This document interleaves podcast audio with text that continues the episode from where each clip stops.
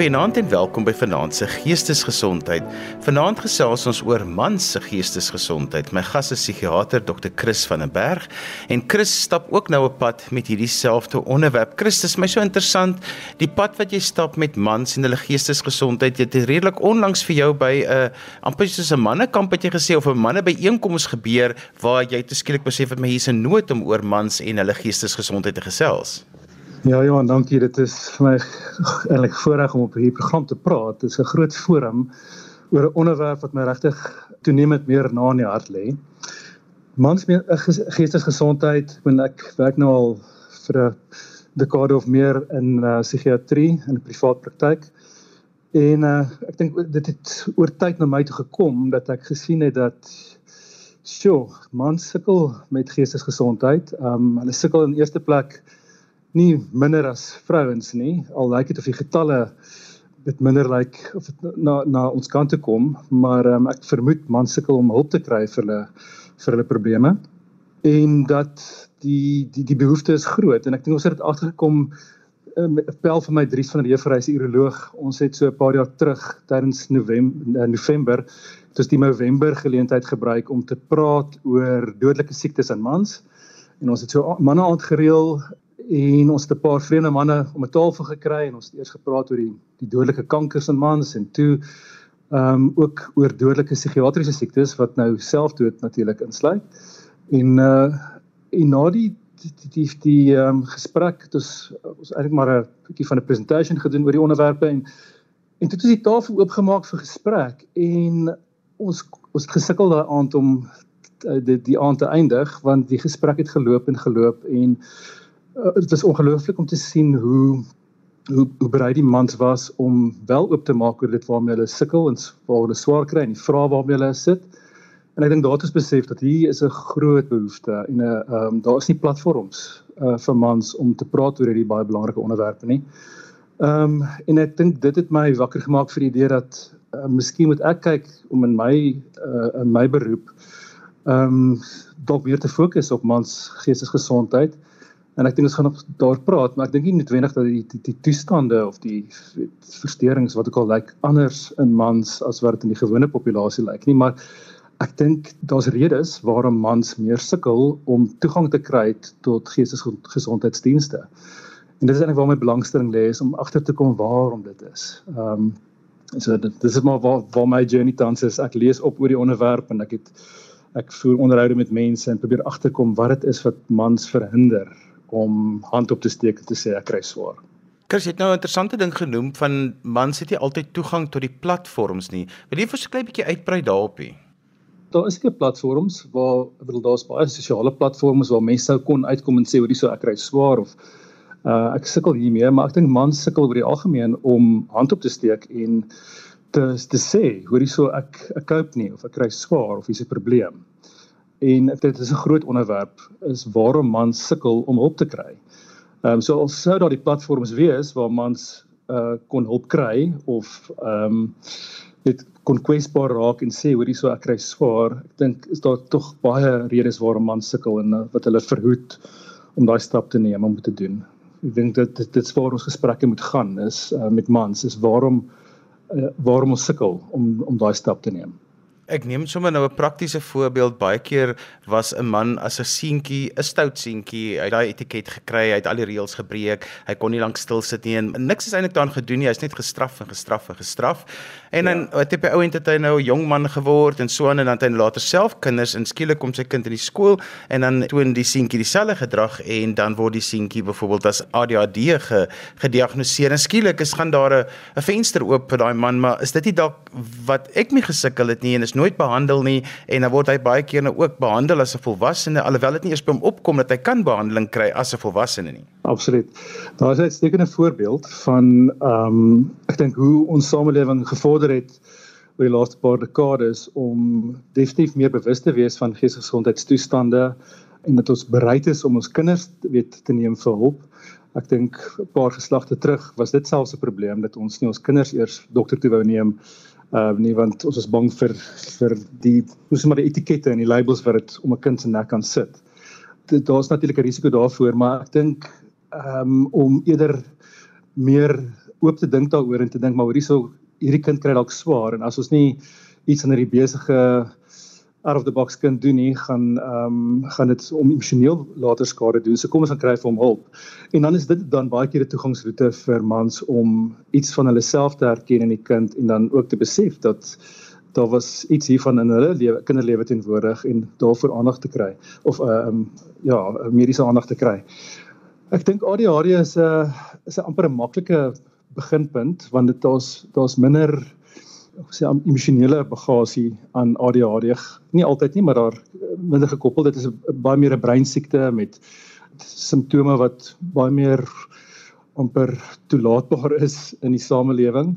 Terwyl emosionele simptome soos depressie en angs is definitief simptome waarmee mans meer sukkel om vorendag mee te kom en hulp voor te kry. Want dit laat hulle voel dat daar's fout met hulle of dat dit dit voel so swakheid. Ehm um, en ek dink dit is die grootste ehm um, sê maar die groot gevaar vir mans, die groot bedreiging vir mans is om te voel dat hulle swak. Ehm um, en ek dink dit is die groot rede waarom mans sukkel om hulp te kry. Chris, daar's maar nog baie stigma rondom hierdie goeters en as dit by mans kom, dink ek is die stigma amper nog meer. Absoluut. Daar's stigma rondom psigiatrie natuurlik. Ek meen die ehm um, die die die maniere hoe psigiatrie en psigiaters en sielkundiges en psigiatriese pasiënte in die media verbeeld word is natuurlik baie ongesond. Ehm um, ek dink die samelewing kry absoluut verkeerde idee van wat psigiatriese siektes eintlik behels. Hoeveel mense dink nie terug aan uh wat daai fliek in die 70's gemaak is, hoe vlei die Cuckoo's Nest, nê, nee, wat ehm um, wat dink dit dit is hoe psigiatrie nog steeds lyk. Ehm um, ehm um, En so ek dink die die media doen doen ons nie 'n guns as dit kom by die beeld van psigiatrie nie. Maar ja, ek dink ons sukkel ook met 'n woordeskat probleem. Ons het min woorde wat nie belaai is met anderlike betekenisse nie. Ehm um, en is dit was een van my uitdagings met die ontwerp van 'n psigiatriese diens vir mans is om terminologie te vind, woorde te vind wat minder gelaai is. Ehm um, die oomblik as jy weet psychiatry of mental of psychology of psychic psychiatry of so iets gebruik dan dit dit is gelaaide woorde wat dadelik vir mense weet beelde opbring. Ehm um, so ek dink die groot uitdaging in die wêreld van psigiatrie en die sielkunde is om woorde te vind wat minder bedreigend is vir mense sodat hulle daarbey kan ehm um, aanklank vind en dit en nie daarvan ander wegskram nie maar stigma is een van die grootste hekkies in die pad vir mans om hulp te kry. Ek dink dit is vir my groot ehm um, uitdaging om te dink aan maniere om die stigma te breek en om woorde te vind vir hierdie goeters en om die die die dienste wat ons aanbied op so 'n manier te kan inruim dat dit baie minder bedreigend is en eintlik uitnodigend is vir mans om te kom vir hulp. Christie, mense met wie ek nou te doen gehad het mans is baie meer amper wil ek sê gereedelik om na 'n uh, algemene praktisyn toe te gaan om die ding te bespreek. Maar die oomblik as jy die woord psigiater noem, dan styer hulle so terug. Hulle sê nee, ek, dit is nie so erg nie. En ek dink daai dit ja. is nie so erg nie is iets wat ons nou moet aanspreek.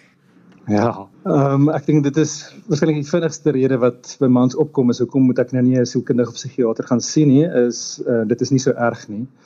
Ehm um, daar's nog baie ander redes, maar ek dink soos jy sê, hierdie is amper die belangrikste ene. Ehm um, so die minimalisering van probleme die veralgemening daarvan te sê maar hoorie so dit is nie net ek nie almal kry swaar. Weet hierdie is tawwe tye. Ehm um, dit is maar net gewone lewensprobleme. Ehm um, ek ehm um, en dan kom al die rasionalisering by van hoekom hulle nie weet nou kan gaan vir hulp nie verstaan? Hulle moet nou sekere rolle vervul nou moet die voorsiener wees en hulle moet sterk wees vir hulle mense en hulle wil nie 'n las wees vir ander nie ensovoorts Maar ehm um, as ons as ons stil staan by dis nie so erg nie. Ek ehm um, is dit in my er, ervaring in praktyk sodat mense onderskat werklik die lyding wat hulle beleef. Ehm um, is vreemd. Objektief gesproke as ek van buite af kyk en ek luister na hulle storie en ek hoor waarmee hulle sukkel, dan is dit baie duidelik dat hulle regtig swaar kry. Maar subjektief in hulle eie wêreld ehm um, sê hulle koppe vir hulle maar hierdie is nie so erg nie en ek ek kan hiermee cope. Ehm um, die die die vraag kom baie na my toe wanneer is iets nou met erg genoeg en wanneer is dit nou eh, die moeite werd om hulp te kry of om 'n sielkundige of 'n psigiater te gaan sien. Ek dink my my my antwoord is gewoonlik dat die oomblik as jy voel dat jou lewenskwaliteit is nie optimaal nie en of hierdie simptome of probleme waarmee jy sukkel 'n uh, effek het op jou funksionering. As dit effek het op dag tot dag goeters, hoe jy slaap, hoe jy eet, uh hoe jou verhoudings lyk, hoe dit in jou werkslewe gaan. Ehm um, as enige van daai aspekte van jou lewe geaffekteer word deur hierdie simptome, dan is dit moeite werd om ten minste net ondersoek in te stel en te kyk of daar iets is um, om om om dit in ag te neem en te, te kyk of dalk of hier 'n probleem is waarvan jy dalk nie weet nie of uh, eintlik maar gerasionaliseer dit as minder belangrik of ehm um, so ek sê baie keer vir mense gaan sien 'n psigiater, gaan sien 'n sielkundige nie omdat daar groot foute is met jou nie, maar gaan check dit uit. Hoor of daar of of die persoon dink dat daar 'n groot probleem is of nie. Baie mense stap uit by 'n psigiater as hulle en, en voel baie verlig as hulle hoor dat hoorie so nee, daar's eintlik nie groot fout met jou nie. Jy het nie medikasie of iets nodig nie. Ons moet jou net help om emosioneel te groei en ehm um, sielkundig sterker te word in jouself en ehm um, dan gaan jy okay wees. So ek dink die die idee dat as jy na 'n psigiater toe gaan is daar groot fout. Dit is ook 'n wankonsep en 'n idee wat ons sal moet skuif. Ehm um, die ander deel van nie siek genoeg wees nie is dat ek dink baie mense dink dat siek genoeg beteken jy moet uh, werklik amper nie funksionerend wees nie jy moet um, nie uit die huis uit kom nie jy moet skaars eet of slaap of jy moet psigoties wees of jy moet um, manies wees wat ook al terwyl die amper meer ehm um, subtiele nuances van geestesgesondheid ehm um, word gemis dink een van die simptome in mans wat baie keer gemis word uh, as deel van 'n depressie probleem is anhedonie. En anhedonie is daai gevoel van lus vir niks, niks ek het nie belangstelling in enigiets nie. Niks motiveer my nie. Niks ehm um, wat in die verlede vir my lekker was, sien ek nie vir 'n kans nie. Daai is 'n simptoom van depressie. So baie mans sal sê nee, ek voel nie hartseer of down nie, ek huil nie. Uh dit is maar een weet gesig van depressie, maar die ander gesig van depressie in mans is die anhedonie prentjie wat eh, net 'n gevoel is van weet ek sien nie meer kans nie, niks is meer vir my lekker nie. Um en eh, baie keer sal mense dink maar dit is nie 'n voldoende simptoom of 'n probleem om hulp voor te kry nie, maar daar is eintlik 'n baie groot helder rooi lig uh vir mans veral en as dit kom by die depressie in mans. Ek dink daar's soveel onkunde daar buitekant. Een van die goed wat altyd vir my nogal so laat glimlag is iemand vir my sê, praat met man se sê, weet jy, ek dink dit sal nogal goed wees vir jou as jy net slag bietjie laat kyk en kom gemaak nou 'n draai by psigiater en gesels, dan sê die ou vir my, maar ek praat nie graag oor my emosies nie. Ek praat nie oor ja. my gevoelens nie en ek dink nie mense kom eintlik by emosies en gevoelens altyd uit in die praktyk nie. En is dit nie maar die probleem nie. ek dink ehm um, as as ons kyk na emosionele welstand, psigiese welstand, ehm um, dan lê dit maar tog op die vlak van emosies. Ehm um, en daar is die die, die ander groot hindernis vir mans is dat ons oor tyd, oor ek weet nie dekades, eeue, wat ek al millennia dalk geleer het dat dit is nie die manlike ding om te doen nie. Dit is dit is nie manlik om emosie te wys of om ehm um, kwesbaar te wees of om eerlik te wees oor angstigheid of vrese of bekommernis nie. Die manbox waarvan hulle praat, uh, sê vir ons dat as jy wil inpas in die manbox, dan moet jy jy moet sterk wees, jy moet onafhanklik wees. Jy dit is mind above heart, dit is jou kop moet sterker wees as jou hart. Jy uh, onderdruk ongemaklike emosies want dit is wat nodig is vir jou om in te pas in dit wat man ver, verwag word van mans in die in die samelewing maar ook wat verwag word wat jy dink verwag word van jou deur jou vrou en jou gesin en jou mense om voorsiener te wees en om sterk te wees en dit is my baie hartseer idee dat mans vasgevang is in hierdie baie enge idee van wat man wees werklik beteken en dat dit eintlik dan nou die probleem raak later. Ehm um, nie net vir hoe dit mans om hulp te kry nie, want dit impliseer dat ek moet praat en sê ek kry swaar of iets probleme of ek is emosioneel nie okay nie. Maar ek dink juist die die onderdrukking daarvan om vasgevang te wees in hierdie man box wat maak dit mense wat mans uh depressie en angsversteurings ontwikkel. Ehm um, so dis 'n dis 'n tweestrydende swaard. Aan die een kant verhoed dit jou of dit, dit veroorsaak baie keer hierdie emosionele probleme en dit verhoed jou om hulp te kry vir hierdie emosionele probleme.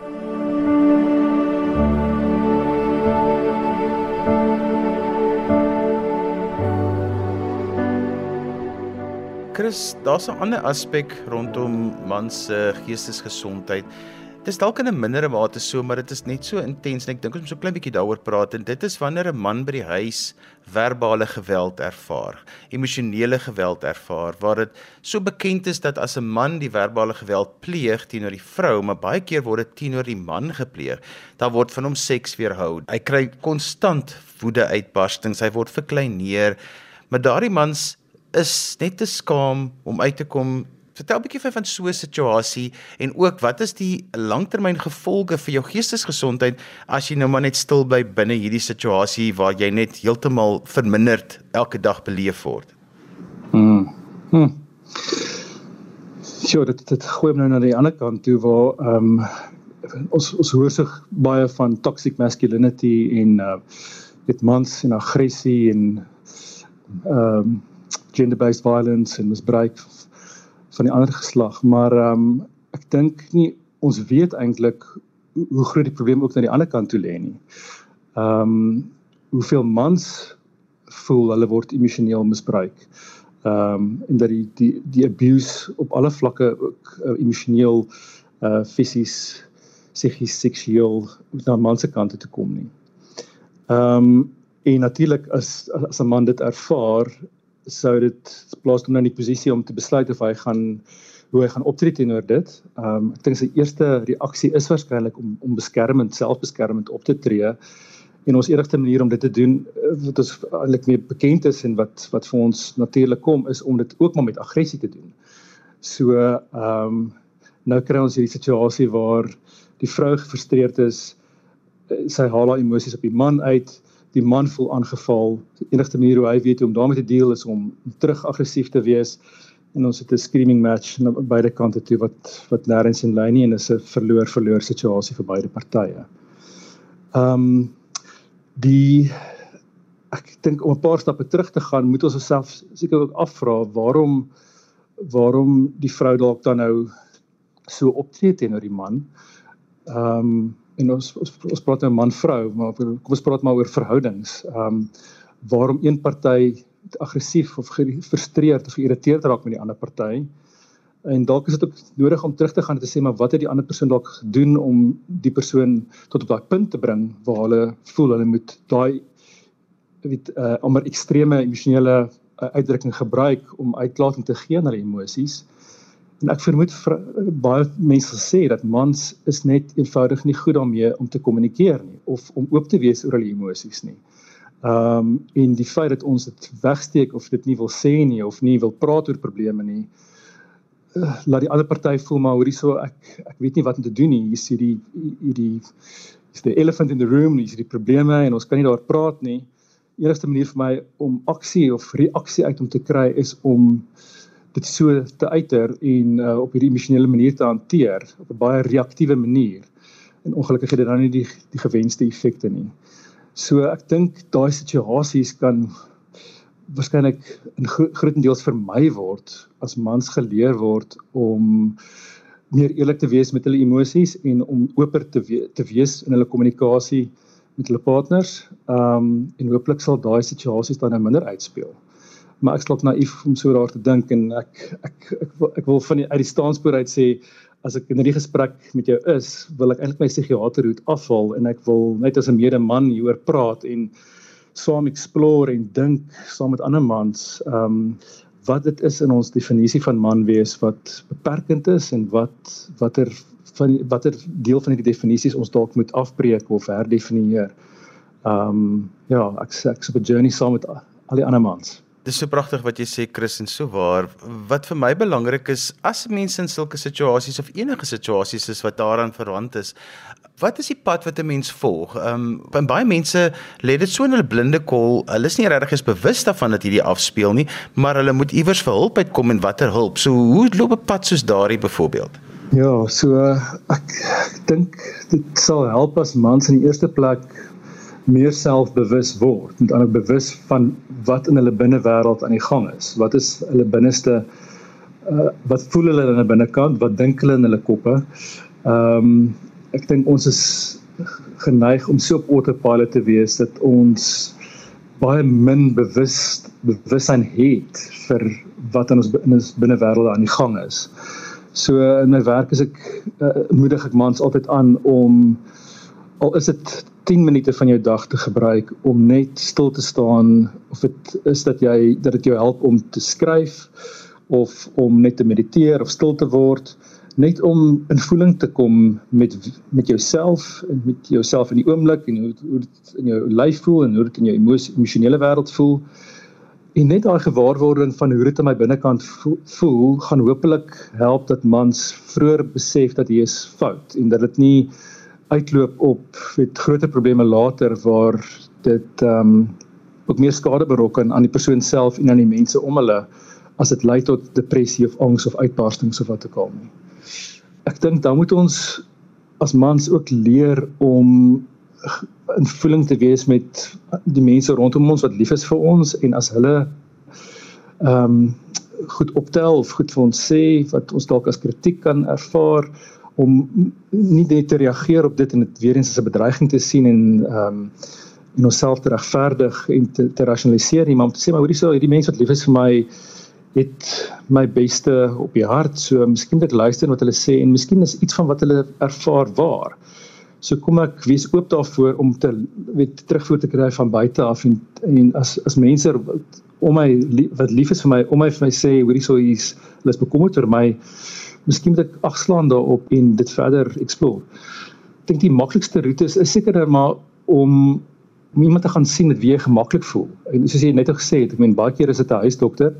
Soms is dit iemand by die by die is dit is dit 'n pel, soms is dit 'n familielid of 'n broer. Ehm um, dit, dit ek ek dink dit is waarskynlik die mees bedreigende idee om nou na direk na sielkundige of psigiatër toe te gaan maar op 'n manier is dit ook baie veilig want dit is anoniem uh, dit is professionele mense wat ehm um, wat wat weet hoe om hierdie goeie te hanteer.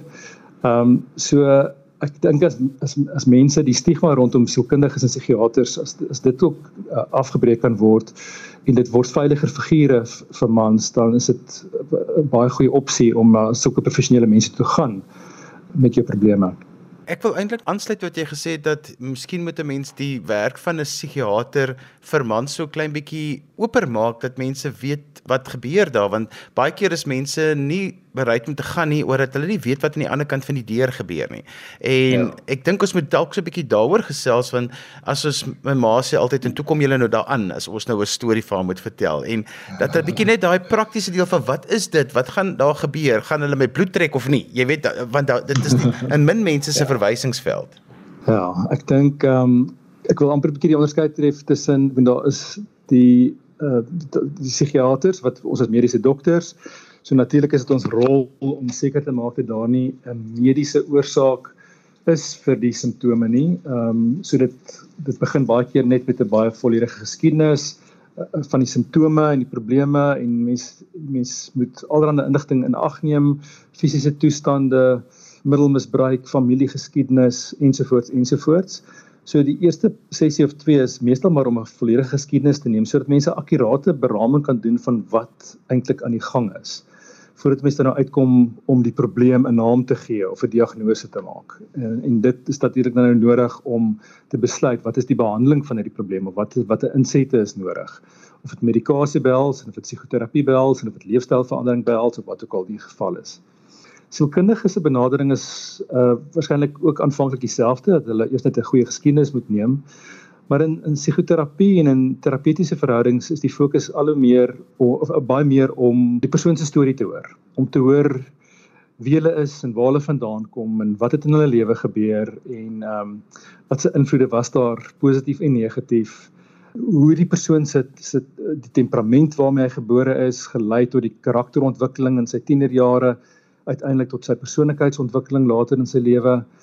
So die fokus baie meer op weet die die die siege van daai persoon, die die mens wie hy is en uh, uh, dit alles klink baie bedreigend ek vir mans as hulle hoor maar ek gaan in my guts moet spil. Ek gaan in my lewensstorie moet vertel en ek gaan ehm um, ek gaan ja, ek gaan my my skans 'n bietjie moet laat sak as ek ehm um, iemand wil toelaat om my te help. So wat ek dan gewoonlik vir vir mense sê is dit is so, dit is dit is dit is waarskynlik die braafste ding wat 'n man kan doen is om iemand te gaan sien en hulp te kry want dit impliseer dat jy van hierdie skanse 'n bietjie gaan moet laat sak. Ehm um, hierdie goeders wat jou so veilig gehou het om te keer dat jy weet weer seer kry waar jy in die verlede seer gekry het. Ehm um, maar hierdie is professionele mense wat wat dit nie gaan uitbuit nie. Ek dink dis waarvoor mans baie bang is dat hulle gaan kwesbaar raak. Hulle gaan oop wees oor oor wie hulle is en waarmee hulle swaar kry en dat dit op een of ander manier dalk soos in die verlede ehm um, teen hulle gebruik kan word hulle weer van voor af gaan gaan ehm um, seer kry en vertroue gaan verloor in die proses. Uh en ek dink as ek as ek mans daarso kan moet in praat om te sê maar dit is eintlik dit is die braafste ding wat jy kan doen is om daai hulp te kry en ek dink as 'n mens op daai punt kom waar jy bereid is om jou storie met iemand te deel ehm um, in in so 'n professionele opset is die kanse uh, hopelik nul dat dat dit teen jou gebruik kan word. In feite dit is dan nou daai punt wat jou lewensstorie en jou kom ons dit maar jou gewondheid en jou seer kry gebruik word om jou te lei na die pad van herstel.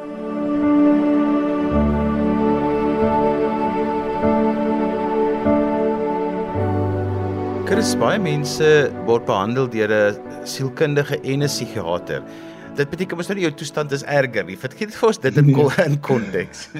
ja, so ek dink psigiaters se fokus is primêr maar op die die mediese kliniese aspek van geestesgesondheidstoestande.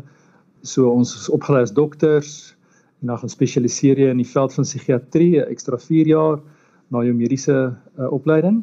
En ehm um, so ek sê dit gaan maar oor die fisiese, mediese, biologiese aspekte van geestesgesondheid en dan baie keer saam met dit gaan die gebruik van medikasie om toestande soos depressie en angsversteurings en uh verslawings en ensovoorts te behandel. Die fokus van sielkundiges ehm um, is meer psigoterapie of die ander ek soek nog 'n ander mooi woord daarvoor ook wat ook minder stigma rondom dit het, maar praatbehandeling.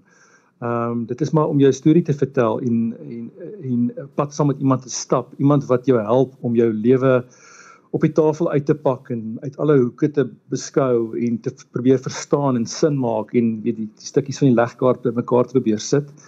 Baie psigiaters doen ook psigoterapie en ehm um, en so dit dit en is en dit is opgelei om dit te kan doen. So dit is maar die groot verskil. So ek ek vermoed die mense wat beide sien is is wanneer daar 'n kliniese probleem is wat waarskynlik mediese behandeling benodig en waar die psigiater dan daai daai rol vervul met die voorskryf van medikasie en die monitering daarvan en die sielkundige dan praatterapie doen.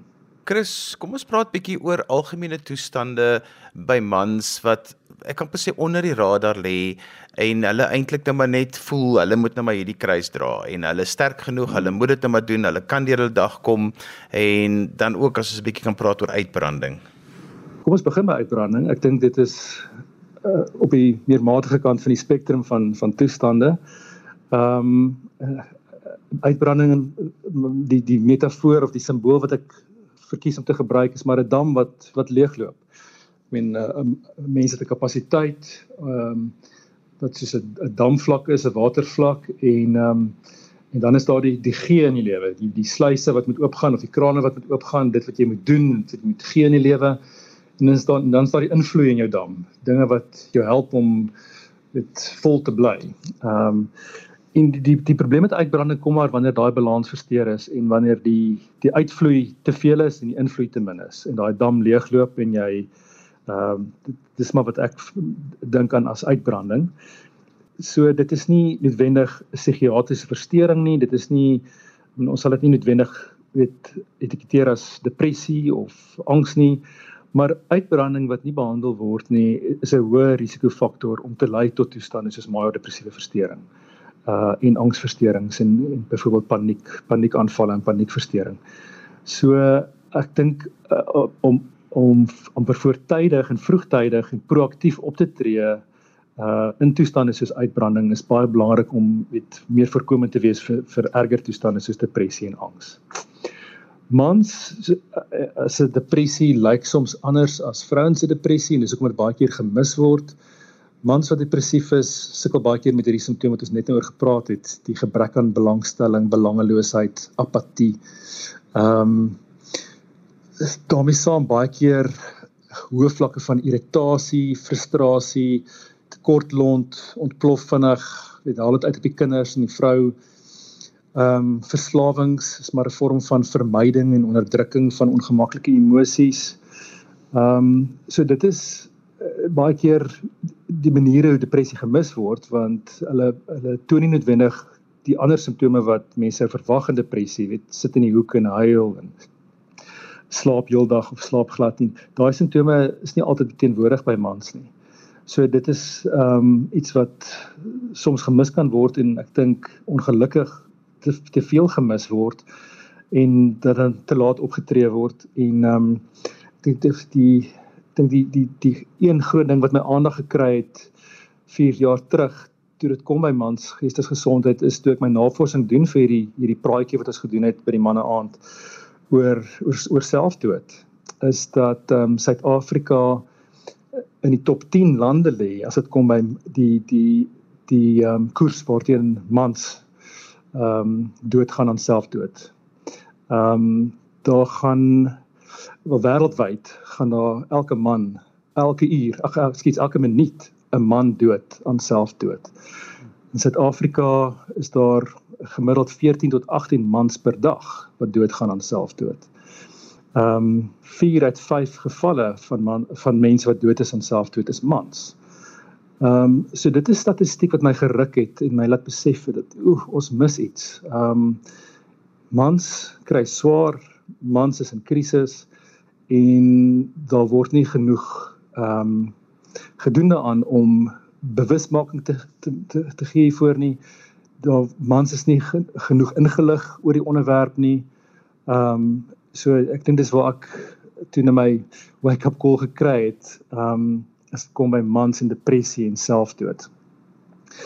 Ander algemene toestande in mans wat ek gereeld sien is al die vorms van angsversteurings, vir algemene angsversteuring, paniekversteuring, obsessief-kompulsiewe versteuring, eetversteurings is 'n ding wat al meer toeneem die laaste uh, een of twee dekades in mans.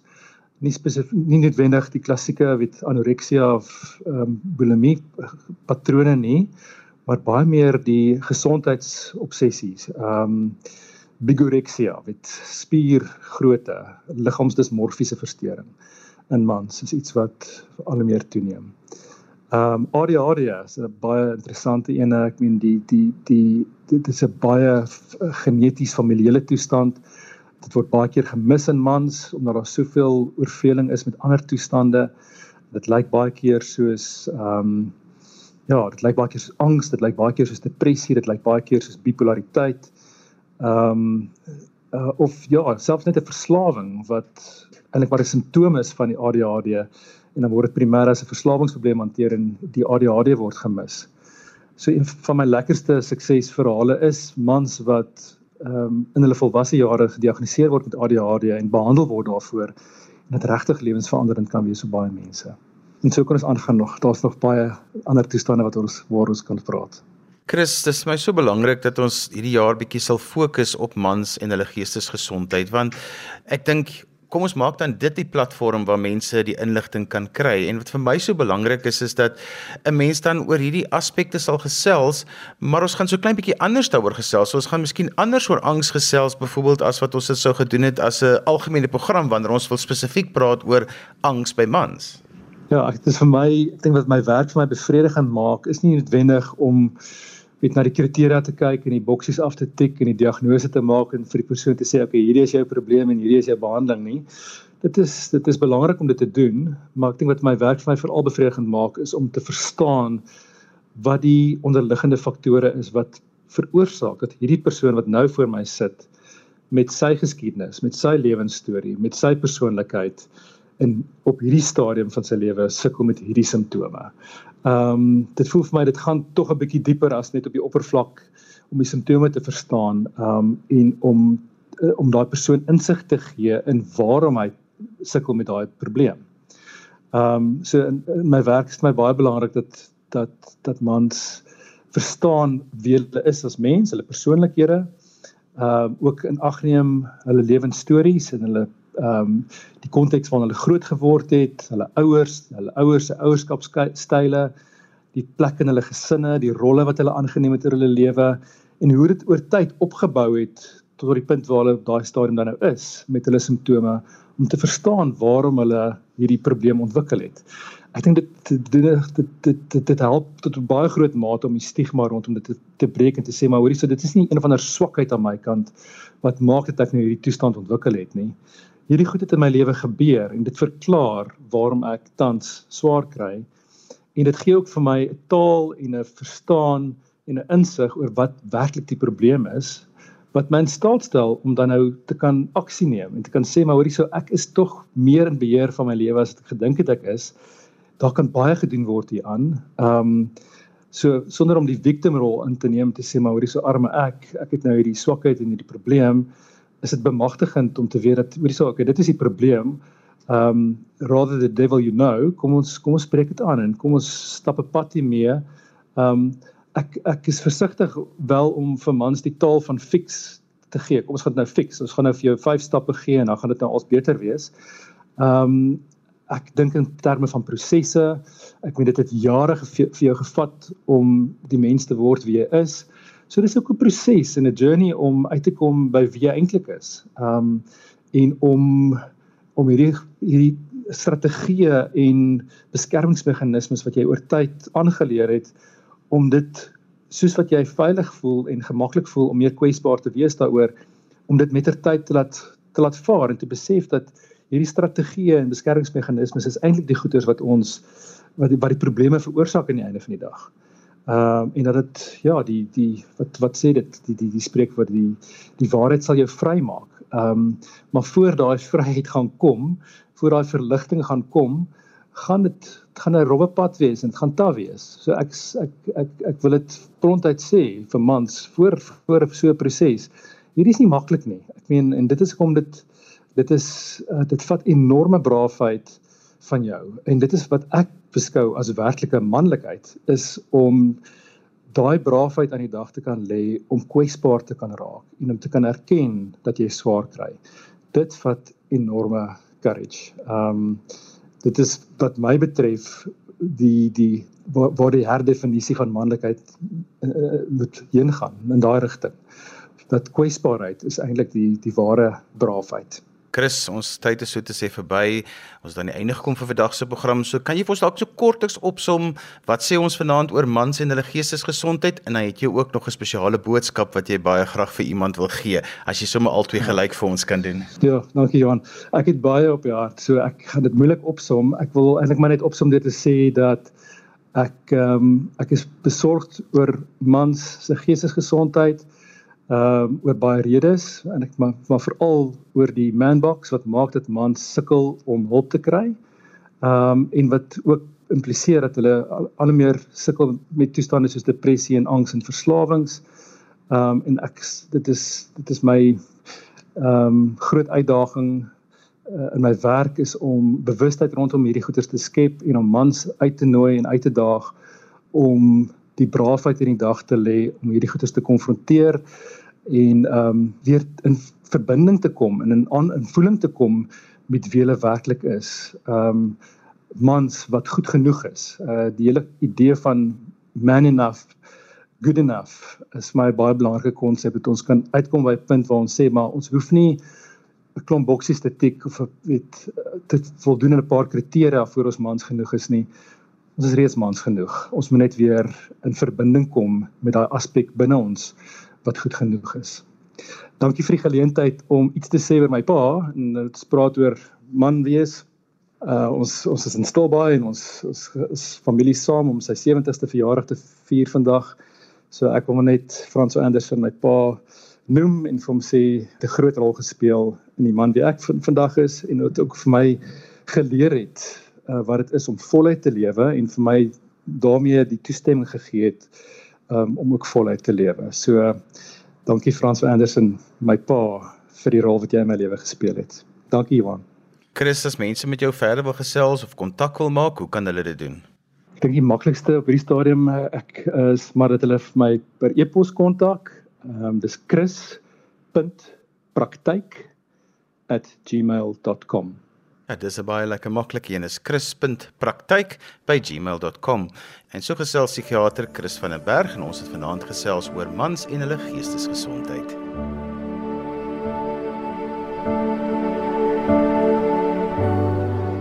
En daarmee ons gekom aan die einde van vanaand se geestesgesondheid. Onthou jy kan weer na vanaand se program luister as 'n potgooi. Laai dit af by resgep.co.za. Skryf gerus vir my 'n e e-pos by Johanvanlull@gmail.com en onthou daai Johan het net een N. En daarmee groet ek dan vir vanaand. Kyk mooi na jouself. Tot volgende keer van my Johan van Lill. Totsiens. thank you